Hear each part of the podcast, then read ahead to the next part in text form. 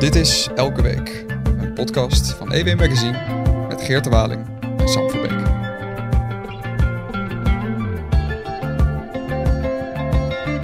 Sam, eh, na zo'n weekend, wat er is gebeurd in Rusland, moeten wij toch echt gaan bellen met inmiddels onze in-house eh, columnist eh, Pieter Waterdrinker, die op elke, elke dinsdag voor onze column schrijft. Eh, en die ook al op tv te zien was deze week. Die eigenlijk ja, van ons denk ik het beste weet, van onze omgeving, wat er eh, in godsnaam al aan de hand is. Pieter, goedemiddag. Dag Pieter Ja, Waterdrinker. goedemiddag jongens. Hi Pieter, Eh, jij hebt een eh, roerig weekje achter de rug. Je vertelde al eventjes dat jij vanuit Frankrijk eh, bent ingevlogen om bij op eenduiding te geven voor het Nederlandse volk. Ehm, voor de mensen die het niet hebben gezien, hopen wij dat je in deze podcast ook even je licht kunt schijnen. Bovendien, eh, mensen die heel erg verbaasd waren dit weekend, die hadden misschien helemaal niet zo verbaasd hoeven te zijn als ze jouw column van vorige week hadden gelezen. Die ging namelijk over de tijd der troebelen eh, in Rusland. Die dreigde voor Rusland een nieuwe tijd der troebelen. Ehm schrok je van je eigen profetische gaven? nou, valt wel mee. Ik, eh, ik moet zeggen dat eh, ja, ik ben voornamelijk ook romancier en ik heb zes jaar geleden een roman geschreven, Poubel, eh, die zich afspeelt in het gebied waar we het nu over hebben, de, tussen Rusland en Oekraïne, begin van de annexatie van de Krim, de oorlog in de Oekraïne. En dat boek is zes jaar geleden verschenen en het heeft nog steeds heel veel lezers, omdat alles wat er nu gebeurt min of meer daar op die bladzijde werd aangekondigd. Eh, ik weet niet of het profetische gaven En wat gebeurt er dan nu? Het is, het is gewoon bekijken wat er gebeurt. En eh, heel toevallig een week voor, nou een paar dagen eigenlijk, voordat we die absurde, bizarre verwikkelingen hadden in Moskou, had ik inderdaad een column geschreven met als titel dat, dat Rusland op de rand staat van de tijd der troebelen. Dat is een, eh, ja, Dat is een oud begrip, hè? een oud begrip eh, dat eigenlijk eh, teruggaat tot eind 16e, begin 17e eeuw, na de dood van die van de verschrikkelijke. Had je een tijd van 20 jaar dat, ja, dat eigenlijk niet, niemand wist waar het met Rusland naartoe ging. Er waren opstanden, er waren geen troonopvolgers meer. mensen probeerden de macht te grijpen enzovoort. En uiteindelijk consolideerde dat zich in 1613 eh, met de keuze van de eerste tsaar uit het huis van de Romanovs. Dat was in 1613. Het- Dat heeft 300 jaar dus bijna geduurd, die dynastie van eh, de Romanovs. En ehm, ja, de tweede tijd in de troebelen was eigenlijk rond de Russische revolutie van 1917. Eh, soldaten keren terug van het front uit de Eerste Wereldoorlog. En Ja. uiteindelijk gingen ze een, eh ja, een aan met, met de arbeiders en met soldaten. En dat resulteerde heel in een nutshell in het aftreden van de tsaar en eh, uiteindelijk de macht van Lenin. Vermoorden van het En vervolgens vijf jaar lang een burgeroorlog. Dat vergeten we Ja. vaak. Maar eh, na de Russische revolutie heeft er eh, dus in Rusland zelf vijf jaar lang een gruwelijke aan miljoenen mensen durende burgeroorlog geduurd. Ge- is er geweest. Ja, en eigenlijk staan we nu aan de vooravond, niet eens aan de vooravond, maar we zitten midden in een soortgelijk proces, zou je kunnen zeggen. Wat er nu. Ja, mag ik iets vragen? Ik dacht toen ik jouw column las van vorige week over die tijd der troebelen, dacht ik, ja, maar de jaren negentig waren toch eigenlijk in het klein ook een beetje een tijd der troebelen. Die ineenstorting van, die, van het Sovjet-imperium, ehm, al die deelrepubliekjes die opeens onafhankelijk werden, satellietstaten die een eigen mening bleken te hebben en eh, zich gingen emanciperen. Eh, eh, wat, eh, maar in de jaren negentig is dat toch iets vreedzamer verlopen, begrijp ik? Of hoe, hoe zie jij dat? Nee, nee, nee, ik heb ook in die column de jaren 90 eh, zeker genoemd. En, en met name het jaar Ja. 1993, dat, dat Boris Yeltsin natuurlijk in een standoff was met de toenmalige, eh, de opperste Sovjet, die, dat was nog een parlement uit de vorige tijd, uit de Sovjet-Unie. En daar kon hij geen gemene zaak mee vinden. En uiteindelijk heeft hij die letterlijk laten eh, wegschieten. Achteraf gezien, ik herinner me die tijd nog heel goed, waren heel veel mensen dat de val van de muur en de Sovjet-Unie gepaard zijn gaan met gruwelijke, verschrikkelijke oorlogen. Eh, die hebben we wel enigszins gehad. Ik bedoel, de ontwikkelingen in Litouwen, daar werden mensen eh, doodgeschoten. In de Caucasus. Eh, natuurlijk de twee oorlogen in Tsjetsjenië. Maar relatief gezien is die periode in de jaren negentig vreedzaam verlopen. Als je het vergelijkt met, met, met bijvoorbeeld. Voor Russische begrippen. Rond de, de revolutie en de, en de, en de burgeroorlog. Ehm, En bij de Balkan, hè? in en, Joegoslavië. eh, ja, Zeker, maar goed, we hebben het nu over Rusland en zeker over Joegoslavië precies. eh, dat, je zou kunnen zeggen dat Europa in de tijd te troebelen zat. Eh, maar Ja, als we naar Rusland ons focussen, of laten we zeggen de voormalige Sovjet-Unie, ja, dan zie je enorm veel parallellen. toen, toen Prigozhin, hè, de Wagner-baas, voor sommigen uit het niets, voor anderen wisten het al zeker. Zeker de Amerikanen waren ervan op de hoogte. Optrok als in zijn muiterij met 5.000, 6.000 van zijn soldaten, van zijn privémilitie, van zijn huurlingenleger. Optrok uh, als, en als een mes door de boten ging via Rostov-Donadon richting uh, Moskou, moest ik meteen denken aan uh, generaal Kornilov. Dat was een generaal die tussen de periode van de februari-revolutie in 1917 en de oktoberrevolutie, toen Lenin aan de macht kwam, in die, in die maanden van troebels, uh, ook optrok met een leger vanuit de buitenwijken van Petrograd, wat nu Sint-Petersburg is, uh, om daar orde op zaken te stellen. Dus uh, het, het, is, het staat in een, in een lange traditie, dit soort ja, avonturisme zou je kunnen zeggen. hey, en Pieter, hoe, ja. het, bedoel, de, de historische analogieën die, weet je, die, die zijn talrijk. Maar hoe heb jij gewoon als, als iemand die jarenlang in Rusland heeft gewoond en waarschijnlijk ook uh, grote liefde heeft voor het land, hoe heb, je, hoe, hoe, heb jij het ervaren om dit allemaal te zien voltrekken? Ja, nee, kijk, ja, je zal breder kunnen gaan hoe ik het ervaren heb. Ik heb 25 jaar in Rusland gewoond. Ik heb familie, vrienden en mijn huis is daar nog steeds. En sinds het begin van de oorlog ben ik weg uit Rusland. Ik ben wel teruggekeerd ook. Ik ben ook in Oekraïne geweest. Dus mijn betrokkenheid is eigenlijk vanaf s morgens vroeg tot s avonds laat daar. Uh, ik schreef die column over de tijd der troebelen niet voor niks, omdat ik wel voelde dat die oorlog ook binnenlands in Oekraïne, ook binnenlands op een gegeven moment uh, een ontlading zou moeten krijgen. Um, maar niemand die het natuurlijk weet. Ik bedoel, het enige scenario voor Rusland is dat er nooit scenario's zijn. Uh, ik hoorde s'nachts natuurlijk van, van die ontwikkelingen. Ik heb alles gevolgd. Als eerste heb ik gewoon mijn vrienden gebeld. In Moskou en Sint-Petersburg, die daar nog zijn. Om te kijken wat er aan de hand is. Je moet je Waren voorstellen bang? die zaterdag. Wat zeg je? Waren zij bang? nee, helemaal je niet. Dat, hoort? dat is ook weer zoiets natuurlijk dat. dat wij zijn natuurlijk hier. zien we het concentraat van ontwikkelingen hè, in het buitenland, in Oekraïne. Um, maar uh, op het moment dat, dat die putsch plaatsvond, of de poging tot de putsch, in ieder geval om uh, Shogu af te zetten en uh, Gerasimov, dat was de, het doel van Prigozhin, zei hij. Op die dag was, was in Sint-Petersburg bijvoorbeeld het, het, jaarlijkse festival Alie Parousa. Dat betekent scharlakenzeilen. Een enorm festival met inderdaad een schip met scharlakenzeilen op de Neva, op de rivier. Uh, alle leerlingen en studenten lopen uit, want dat is het einde van het schooljaar, van het studiejaar. En dat wordt dan ook geëindigd met muziek en, en vuurwerk. En Bij vuurwerk. Het is dat ik, dat ik belde met mensen die zeiden van ja, ja, het is allemaal vreselijk. Volgen het ook, maar we hebben nu vanavond Ali Parousa. Uh, dat het leven doorgaat, ik heb dat in mijn vorige boek ook geschreven, is eigenlijk misschien misdadig gezien die onverschilligheid. Maar ik heb het ook gezien bijvoorbeeld in afgelopen winter in Oekraïne. Uh, er was een bomaanslag uh, in Dnipro.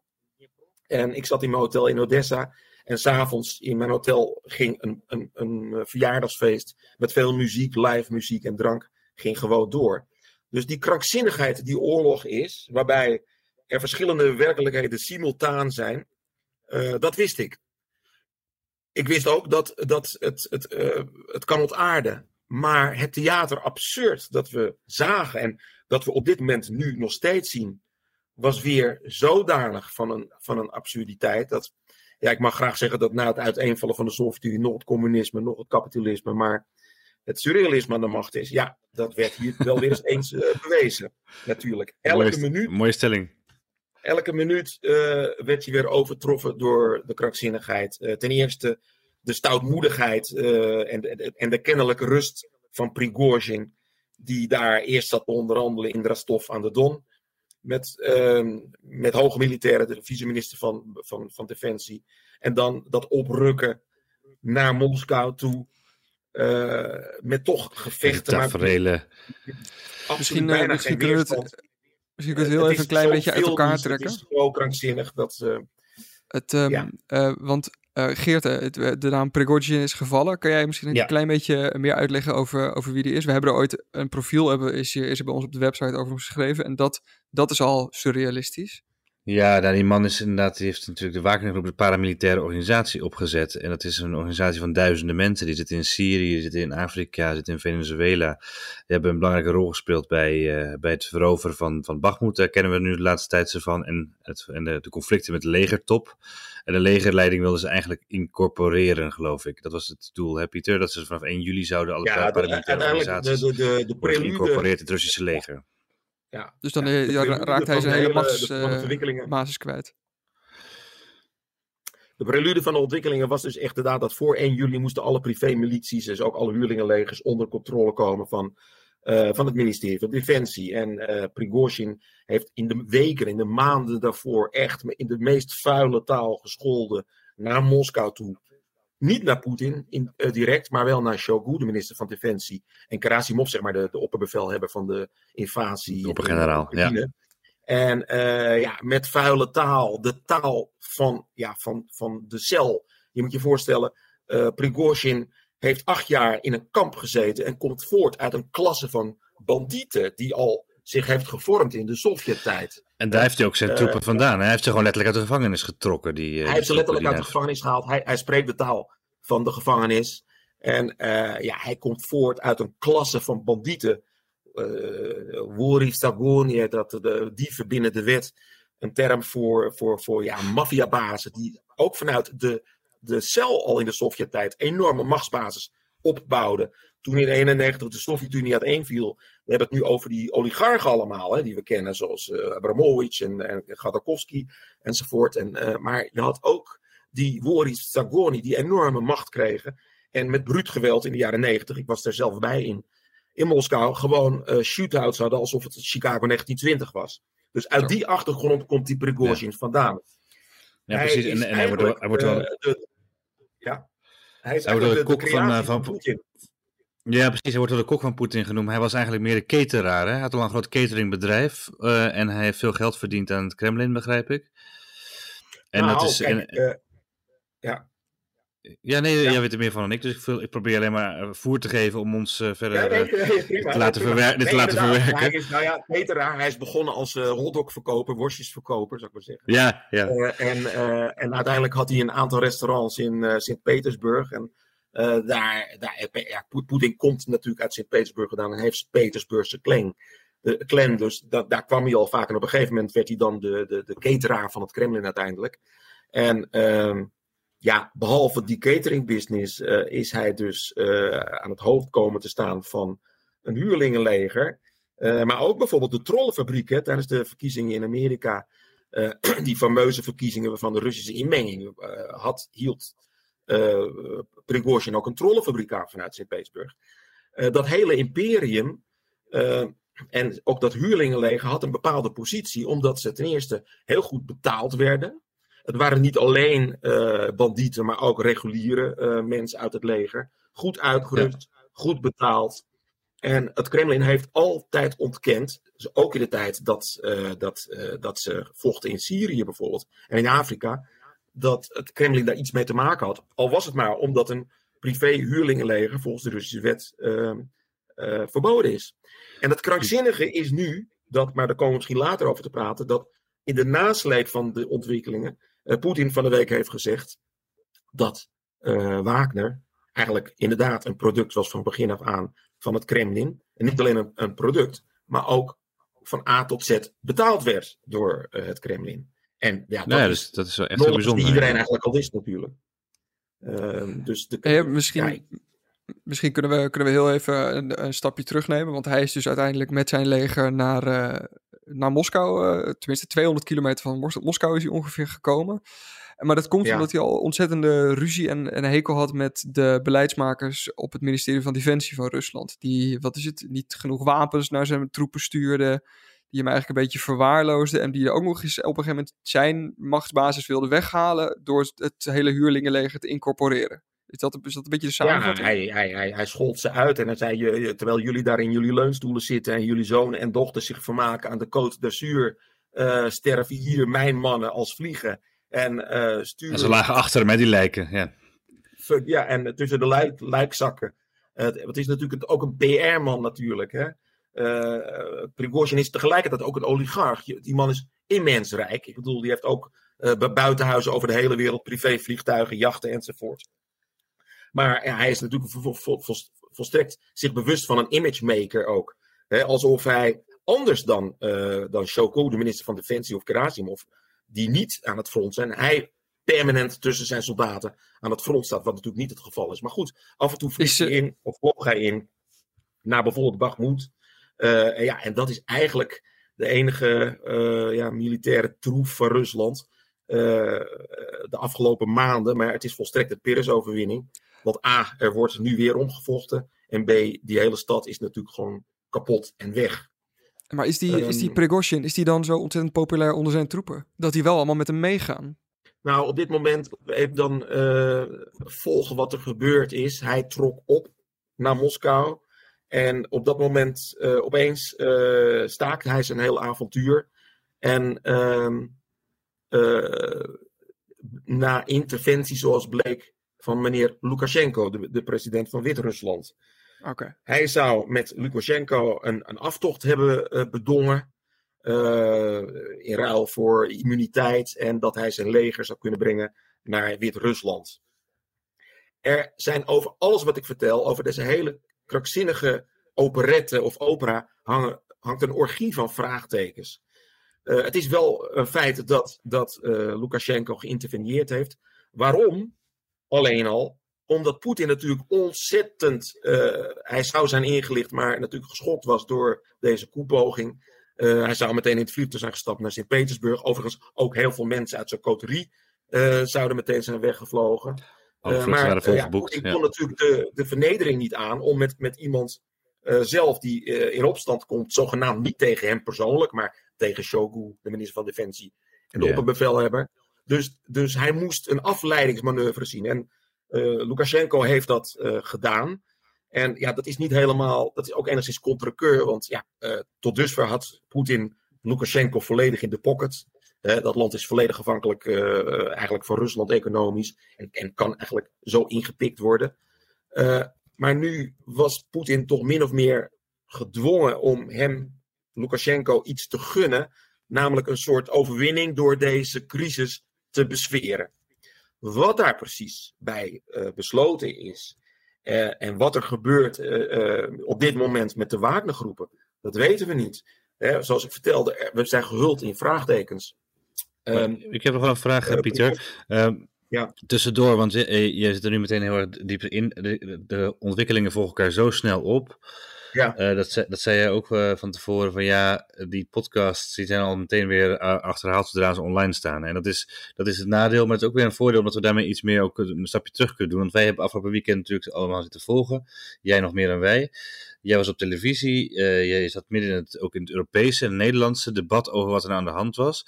Viel dit jou nou niet op, uh, vraag ik, ben je het met me eens, dat, het wel, uh, dat, dat de Nederlandse commentatoren wel erg triomfantalistisch, triomfantelijk uh, die, die opmars van, van Prigozhin naar Moskou zagen, terwijl je eigenlijk zag ook uh, nou, de dreigende tijd der troebelen waar jij over schreef. Dat is niet iets om vrolijk van te worden. Ik weet dat jij ook geen fan bent van Poetin.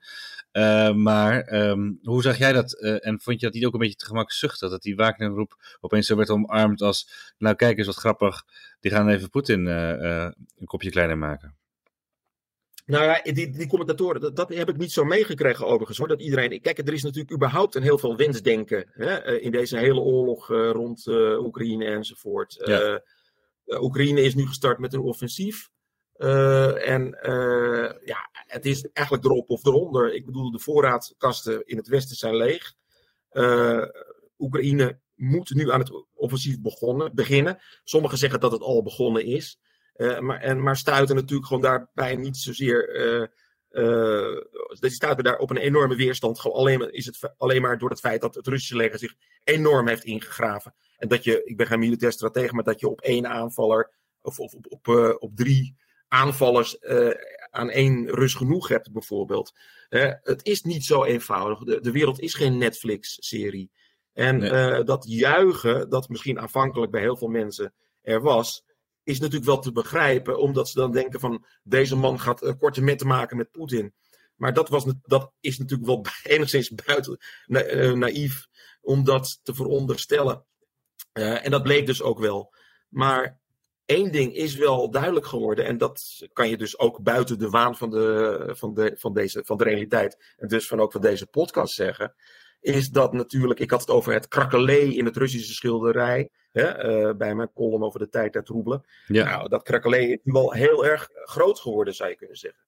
En um, je moet je voorstellen dat Poetin, uh, althans in de, in de publieke opinie, maar misschien ook zelf dacht dat hij alles in de handen had. En dat is gewoon weg. Wederom een parallel met Stalin. Ik denk dat uh, met het verleden, in dit geval met Stalin. Uh, Stalin was enorm paranoia. Die had in zijn paleis ook banken met hoge zittingen, zodat hij kon afluisteren wat andere mensen toevalligerwijs zeiden. En uh, Prigozhin, dat is nu wel duidelijk, is zijn grootste vijand gebleken. Uh, eigenlijk het monster van Frankenstein dat hij zelf heeft gecreëerd. Want de hele Wagner-groep komt uit zijn koker vandaan en heeft hij ook gefinancierd. Ja. Dat is duidelijk wie zijn vijand is. Uh, Prigozhin, waar hij ook zit. Vermoedelijk in Wit-Rusland. Maar de mensen om hem heen in de coterie. Uh, binnen de gangen van het Kremlin. Daar, is, daar speelt zich op dit moment heel veel af. En er heeft zich ook heel veel afgespeeld. En het is de vraag of Poetin wel precies weet wie hij kan vertrouwen en wie niet. Dus hij heeft natuurlijk jarenlang zorgvuldig, uh, in ruim twintig jaar heeft hij zich zorgvuldig om zich heen uh, de mensen opgebouwd uh, die hij denkt te vertrouwen. En hij heeft natuurlijk om, om zich heen de mensen weggezuiverd die hij niet vertrouwde. Op een vrij paranoïde wijze, denk ik al. al hè? Dus hij had een redelijk, redelijke machtsbasis, maar zijn paranoia kan hem natuurlijk op dit moment ook wel gaan opspelen, gaan apart gaan spelen. je, ik zag ergens een beeld langskomen dat hij in het openbaar zou zijn verschenen. Dat leek toch wel heel erg op een lookalike uh, van Poetin. Dus ik weet niet of hij. Ja, dat hoor je uh, zeggen. Heeft. Ja, het was. Ja, ja. ik weet niet of dat verhaal, ja, verhaal bevestigd wordt. Ik, volg natuurlijk ook. Ik, ik, ik, ik volg ook de. Natuurlijk gewoon. Voor zover dat kan, uh, de, de Russische media. En de kranten enzovoort. En je moet je zien dat direct na deze gesneefde koepoging, of wat het dan ook was. Deze putsch, deze, deze opstand, deze, deze, noem je dat, muiterij. Wat eigenlijk het is muiterij. Ja dat uh, alle media uh, de gelederen in opdracht natuurlijk van het Kremlin proberen te sluiten. En dat Poetin zelf ook, die verscheen op het plein binnen het Kremlin, zei van, die bedankte de mensen voor het voorkomen van een ramp en het hele land is verenigd enzovoort. En dat is natuurlijk weer een staaltje van propaganda. Want als er één ding is dat er niet is, en dat die koe heeft bewezen, is dat er juist geen eenheid is. Niet zozeer eenheid al, geen eenheid voor die koepoging, maar ook op dit moment. En uh, ja, het enige dat dan de massa ook kan verenigen, is door ja, permanent weer op de tv te verschijnen. Dus Poetin was niet alleen met zijn nationale garde en een aantal andere mensen, ook uh, met de minister van uh, Defensie Shoku erbij in het openbaar, maar ging gisteren opeens dook op in, in, het, in, in, het stadje Derbent in Dagestan, in het zuiden van uh, Rusland, aan, uh, aan, uh, aan de Kaspische Zee. Eigenlijk een heel interessant gebied. Ik ben er een aantal malen geweest. Dagestan, je denkt, oh, dat zal een provincie van Rusland zijn, maar het is een gebied met 50 verschillende talen. Het ene bergdal dat, dat uh, begrijpt het andere bergdal niet eens. Geen accenten, maar echt verschillende talen. Dus het is een linguistisch wonder, dat gebied. Is ook een moslimgebied. Zijn heel veel uh, ja, uh, islam uh, is daar. moskeeën, heel veel strijders destijds tegen de oorlog tegen ISIS. Die waren, kwamen uit dat gebied vandaan. waarom is dat gekozen? Omdat dat, natuurlijk een van de meest veilige plekken is. Waar Poetin dan kan opduiken tussen de menigte. Om weer toegejuicht te worden. En die beelden werden dan ook gisteren enorm groot gebracht op de staatstv. Dus met als boodschap, jongens, er was een akkefietje afgelopen weekenden. Maar Poetin heeft niet alleen alles weer onder controle, maar wordt ook door het hele volk uh, toegejuicht. Ja, dat, is, dat zijn de technieken van de Sovjet-Unie. En mijn vrienden die kijken er natuurlijk allemaal doorheen. En inderdaad doken er ook beelden op, uh, geruchten, waren dat het een dubbelganger was. Poetin ziet er überhaupt altijd heel raar uit op verschillende beelden. Hij lijkt vaak niet op zichzelf. Uh, sommigen zeggen shirt is een dubbelganger. Maar anderen hebben mij gemeld dat, dat echt dubbelgangers uh, bestaan. Ja. Dus um, ja, uh, hey, en, uh, Pieter, maakt het allemaal deel uit van die krankzinnige wereld. Je had, je had het net over de, de nationale garde van, uh, van Poetin. Ik had begrepen dat na ja. die hele koepoging dat dat die pas nu pas echt ook uh, flink wordt bewapend. Die wapens die komen dan wel van het front, uh, van het leger van het front van, van Oekraïne. Maar nu pas krijg je die, uh, krijg je die allemaal wapens. Wat dus blijkbaar betekent dat aan het front van Oekraïne er nu een heleboel troepen zitten die ja, misschien nog een paar hulse kogels hebben, maar verder met lege handen staan. Nou ja, uh, überhaupt uh, de uitrusting van het Russische leger is, is, is dramatisch. Ik bedoel, ja. dat was, ik, ik heb die verhalen gelezen als tiener van, de, uh, de Eerste Wereldoorlog. Hoe Russische jongens, boerenjongens uit dorpen werden geplukt, blootsvoets, met, met een stok vaak op de Duitse vijand werden afgestuurd in, in, in, in, in een loopgravenoorlog. En ik kon dat amper voorstellen. En, en we zien dat nu natuurlijk weer. maar met die Nationale Garde is iets anders aan de hand. Ze kunnen ze pang pang roepen, dacht ik. Eh. Wat zeg je? Ze kunnen ze pang pang roepen. Dat is ooit een advies van Alexander Ja, ja, ze kunnen pang pang roepen. ja, nou ja, als, als, als, dat was eh, in die tijd en ook later onder Stalin. Als je, ook al was je niet goed uitgerust en je ging niet naar voren toe, uh, naar de vijand toe, kreeg je Dan was je wel zo afgeschoten door je eigen ja. Ja, ja, maar, uh, officier. Uh, we hebben dus vecht, het invasieleger in, in Oekraïne bestaat uit verschillende delen. Dus het reguliere Russische leger, uh, contract, dus soldaten die een contract hebben getekend. Sommigen min of meer gedwongen. Uh, en heel veel privé-milities, zoals bijvoorbeeld de militie van, van Wagner, maar ook van Kadyrov, de Kadyrovtsi, de leider van, uh, van Tsjetsjenië. Ja, leg dat even uit. De dat garde is... iets bijzonders. Ik wil even tot het verhaal over de Nationale Garde ja, oké. Ja, ja, ja, Dat is namelijk in 2016 opgericht als de privé-lijfwacht van Poetin. En uh, sommigen zeggen dat het van 250.000 tot 350.000 mensen bestaat. Maar dat was een garde uh, die gewoon gewapend was uh, met, ja, met, met pistolen enzovoort. Eigenlijk de privé-lijfwacht. En nu, omdat Poetin natuurlijk heeft gezien dat er de mogelijkheid is dat hij fysiek benaderd kan worden, heeft hij kennelijk besloten om die nationale garde ook met grote wapens uit te rusten.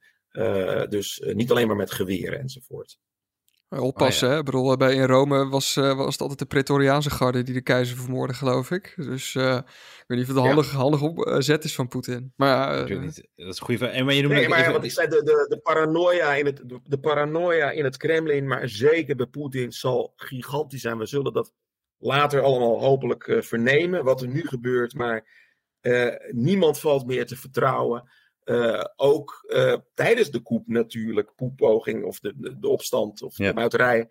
Uh, sommigen gingen weg, anderen bleven, anderen hielden zich stil. Dus Poetin zelf weet ook langzamerhand wie hij althans niet kan vertrouwen. Maar of hij die coterie op de omheen wel kan vertrouwen, dat weet hij ook niet. En die coterie is al zo klein, hè? dat zijn maar een paar mensen. Dus Precies. Dus dat en, maakt het ook zo gevaarlijk. Hey, uh, Pieter, uh, een vraagje. Die Kadirov die jij noemde, dat is dus die leider van Tsjetsjenië. Dat zijn die troepen die ook uh, ja. al zijn verschenen aan het Oekraïnse front. Dat zijn vrij gewetenloze krijgers. Althans, dat willen ze graag zelf doen voorkomen. Ze doen in ieder geval heel stoer altijd. Dat zijn islamieten. Ja. die, zijn pro, die zijn echt heel trouw aan, aan Moskou, in ieder geval aan Poetin. Kan dat ook nog een keer weer zo'n groep worden, net zoals ehm, Prigozhin, uh, zijn, uh, zijn kunnen die Kadirov, Kadirov mannen, kunnen die niet ook op een gegeven moment zich tegen Poetin gaan keren en dan weer zo'n eigen legertje in een burgeroorlog worden? Hoe zit dat? Ja, maar dat is een hele goede vraag. Kijk, uh, je moet even de genezen, de ontstaansgeschiedenis van, van, van, de, van dat huidige Tsjetsjenië zien. Kadirov is de zoon van Ahmad Kadirov, die ooit tijdens een parade uh, is opgeblazen in het stadion uh, van uh, Grozny. Oh, waar Gullit nog gekozen heeft. In die, ja, in die, juist, waar Gullit nog. In die twee Tsjetsjeense oorlogen vochten de Tsjetsjenen tegen Moskou. Zij vochten voor een islamitische staat. Het was een, een jihad vanuit, vanuit Grozny naar Moskou toe. Onafhankelijkheid, een onafhankelijke islamitische staat waar de sharia zou heersen. Die oorlog heeft Poetin in, in rond 2000 dus met vernietigende kracht gewonnen. Echt ongelooflijk. Ik was daarbij. Het was echt niet uh, uh, te filmen, om het zo maar te zeggen, hoe daar werd huisgehouden. En uiteindelijk heeft hij, uh, nadat zijn vader was vermoord, heeft die Ramzan Kadyrov helemaal eieren voor zijn geld gekozen. En in ruil voor een zekere vorm van autonomie werd hij de zetbaas van Poetin. Ehm, ik ben naar Grozny geweest. Die stad is helemaal opgebouwd uh, met, met, een grote moskee en, en, en, en parken en paleizen enzovoort. Al dat geld komt uit Moskou vandaan. Dus er is een enorme loyaliteit van Kadyrov naar Poetin toe. Maar. Maar. Ja. Ehm, die loyaliteit die kan natuurlijk uh, zo uh, omdraaien. Al was het maar omdat inderdaad, wat Geerte zei, die Kadyrovci, die leiders, die staan dan filmpjes te nemen en strijders en baarden en, en, en van die muziek erbij. Maar het zijn vooral opscheppers. Oh. Uh, eigenlijk hebben ze op het slagveld in Oekraïne helemaal niet zoveel uh, voor elkaar gekregen. En sterker nog, er waren nog maar 2.500 van die Kadyrov-strijders in Oekraïne aanwezig. En de rest was achtergebleven in Tsjetsjenië. Waarom? Omdat, omdat Kadyrov zijn leger ook nodig heeft om zijn eigen bevolking in die Republiek Tsjetsjenië te onderdrukken.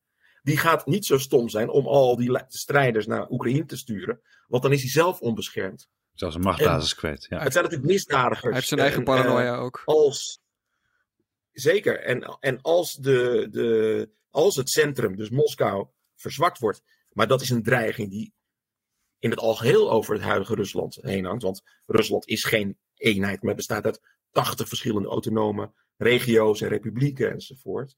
Zou het zomaar eens kunnen dat uh, Kadyrov uh, zijn kans grijpt om inderdaad die islamitische staat daar te stichten. En daaromheen dan ook nog wat gebied te veroveren Incocheti enzovoort. Precies, dat kan je allemaal oprollen. Dat wordt onze tijd, dat is allemaal wat in deze langzaam zich ontvouwende tijd, de troebelen zich uh, afspeelt.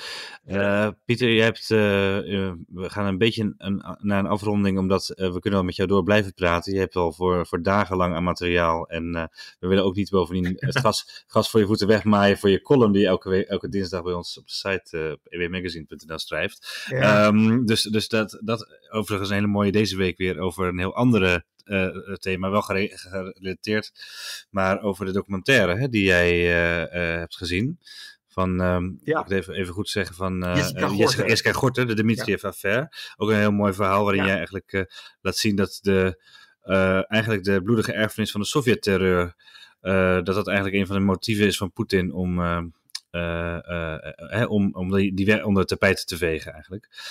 Gaan we nu niet, ja. niet zo diep op in, denk ik. Maar dat is wel echt een heel mooi column om te lezen op de site. Um, wat ik jou nog wilde vragen... Ja, ook een hele mooie film om, om, om te kijken. Want hij draait nu nog in een aantal Nederlandse bios, bioscopen en filmhuizen. De Mitjev ook. Ja, en uh, zeer, zeer aan te raden. Die tank is inmiddels weg voor de balie, geloof ik, hè? Die, uh, die is weer verdwenen. Um, dat weet ik niet. Ja, eh, maar even een beetje afrondend. Maar wat, uh, de tijd gaat snel inderdaad. Wij nemen dit op op 29 juni, eind van de middag. ik zeg er even bij, want we weten niet wat er vannacht of morgen alweer voor nieuws komt. Maar wat als je de langere lijnen bekijkt, wat, uh, waar gaat het naartoe eigenlijk? Die machtsbasis van Poetin die is echt wel aan het afbrokkelen. Hè? Dat is echt wel iets aan. Denk je dat er nou ja, nog iemand zal opstaan in zijn, in zijn plaats? Of gaan we naar een burgeroorlog toe? Ja, kijk, de, kijk, nu kom je dus op het feit dat dat voorspellen eigenlijk absurd is. Mensen die het weten, die mogen het zeggen. We hebben, we hebben de afgelopen dagen gezien dat weer het, het, het meest krankzinnige toch mogelijk blijkt te zijn.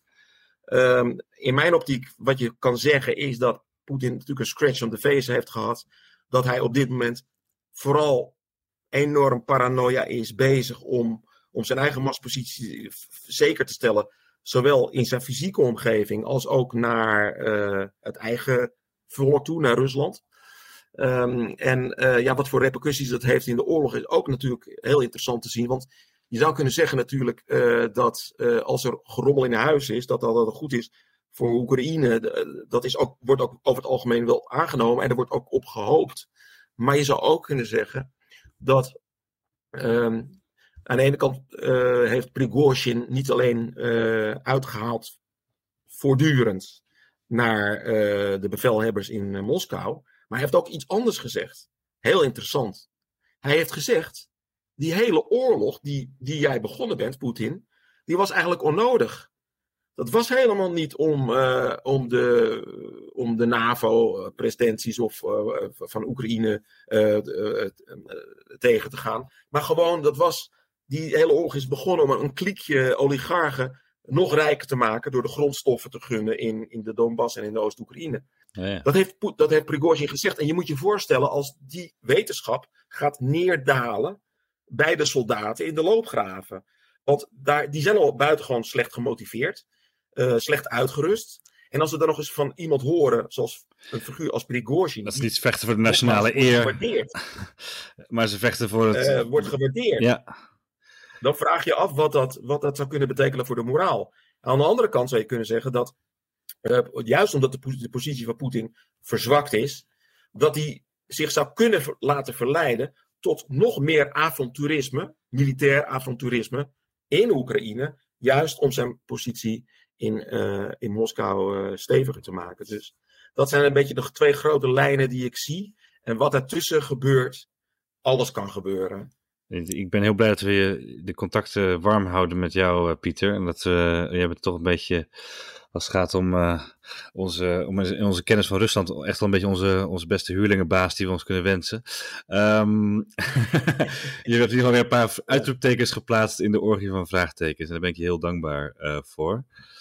Sam, heb jij nog een mooie okay. wijsheid om mee af te sluiten? Nee, met een orgie van vraagtekens is de titel van de podcast wel binnen, geloof ik. Um, uh, dus uh, nee, ik, ik, wil je heel erg bedanken, Pieter. Het, het, het is een ingewikkelde affaire, maar ik ben er in ieder geval zelf iets wijzer van geworden.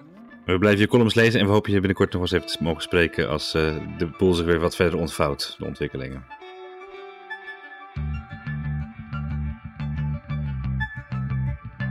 Dit was Elke Week, podcast van EW Magazine met Geert de Waling en mij, Sam Verbeek.